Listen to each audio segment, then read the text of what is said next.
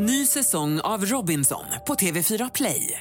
Hetta, storm, hunger. Det har hela tiden varit en kamp. Nu är det blod och tårar. Fan händer just nu. Det. är Detta är inte okej. Robinson 2024, nu fucking kör vi! Streama söndag på TV4 Play. Hallå där, det är jag som är Lotta Bromé och det här är ett inslag från Halv tre med Lotta Bromé på Mix Megapol. Hörrni, bengalkatten Bamboo har vunnit en internationell tävling i Belgien och numera kan hon titulera sig som världens vackraste korthåriga honkatt. Och detta då i en konkurrens med 1500 andra katter. Matte och Savid, välkommen till Halv tre. Ja, men tack så mycket. Hur stolt är du? Ja, men det är, jag är over the moon. Är, Hur stolt är Bamboo? Hon, ja, hon ligger och sover. Jag vet inte, hon, hon är ganska stolt egentligen, men det syns inte alltid. Hur, hur går en sån här tävling till? Berätta för de som inte har varit med. Mm, det är en bedömning av exteriören på katten. Alltså huvud, kropp, ögon. Man kollar liksom på hur de ser ut och att de följer sin standard.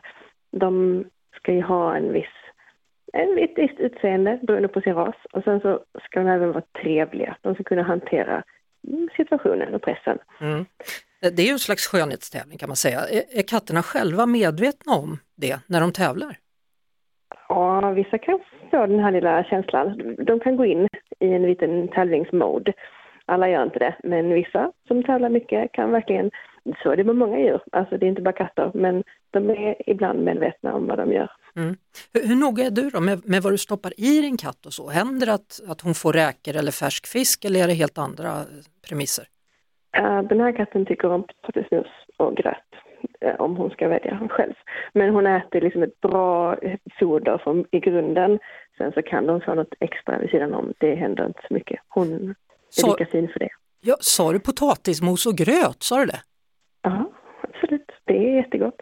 Det äter jag. Ja, Nej, men jag, jag, jag har några katter hemma också. Jag gav faktiskt en av dem, han har inte velat äta på ett tag, men jag gav honom just potatismos igår med lite, så här, lite selleri också. Det tyckte han var toppen, så det är nog inte bara din katt som gillar det verkar det som. Det. Nej, nej, Det är, de, alla smaker är som baken. Ja. Eh, hur gick det för abessinierna då? För det är ju min favoritkatt. Abessinierna, alltså de är alltid svårslagna. Det är de. Men vi tävlar inte i samma kategori så jag är glad att vi inte tävlar mot varandra i sådana fall. Jag, jag älskar abessinier och somali som är deras systerras.